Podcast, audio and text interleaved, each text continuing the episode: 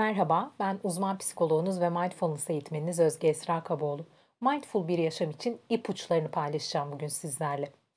Günlük hayatınızda tek düze yaptığınız şeylerden başlayalım. Her seferinde aynı şekilde yaptığınız, günlük hayatınızda alışkanlık haline gelmiş şeylerle mesela. Bir tanesini seçin. Örneğin bu her sabah içtiğiniz kahve olabilir, işinize gittiğiniz yol olabilir veya sabah dişinizi fırçalama rutininiz olabilir. Her neyse, birini belirleyin ve orayı mindful bir anı deneyimlemek için bir odak noktası haline getirin. Adeta bir deneme alanı olsun sizin için. Bütün hayatınıza mindfulness'ı yaymanız için belki de bir hatırlatıcı nokta ve bir deneme al- alanı olarak burayı paylaşabilirsiniz. Burayı deneyimleyebilirsiniz. Bunun yanında tabii ki yemek yeme mindfulness'ı deneyimleyebileceğiniz önemli anlardan bir tanesi. Çünkü içerisinde bütün duyularınızı kullanabileceğiniz bir fırsat sunuyor sizlere. Dolayısıyla öğünlerinizden birini de yine mindfulness'ı deneyimlemek için belirleyebilir ve burada mindful bir deneyimin içerisinde merakla ve keşif arzusuyla incelemeye yer verebilirsiniz. Tabii ki bunun yanında iletişim kurarken de mindfulness'ı hatırlamak mümkün.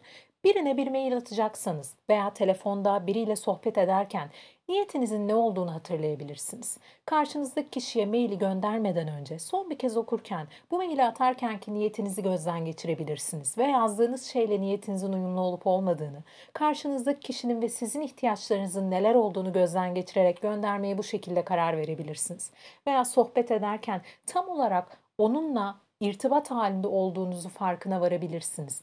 Onun için orada olduğunuzu, onu dinlemek için ve kendisinin verdiği mesajı almak için istekli olduğunuzu gözlemleyebilirsiniz. Eğer böyle olmadığını fark ettiğiniz bir an olursa belki yeniden karşınızdaki kişinin kişinin beden diline, ses tonuna, e, seçtiği kelimelere ve anlatmak istediklerine odaklanmayı tercih edebilirsiniz. Elbette ki temel duyumları kullanabilmek yine bir mindfulness pratiği olacaktır. Dolayısıyla dikkatinizi çeken bir koku, bir ses olduğunda bunu adeta bir mindfulness'a davet çağrısı olarak algılayabilirsiniz.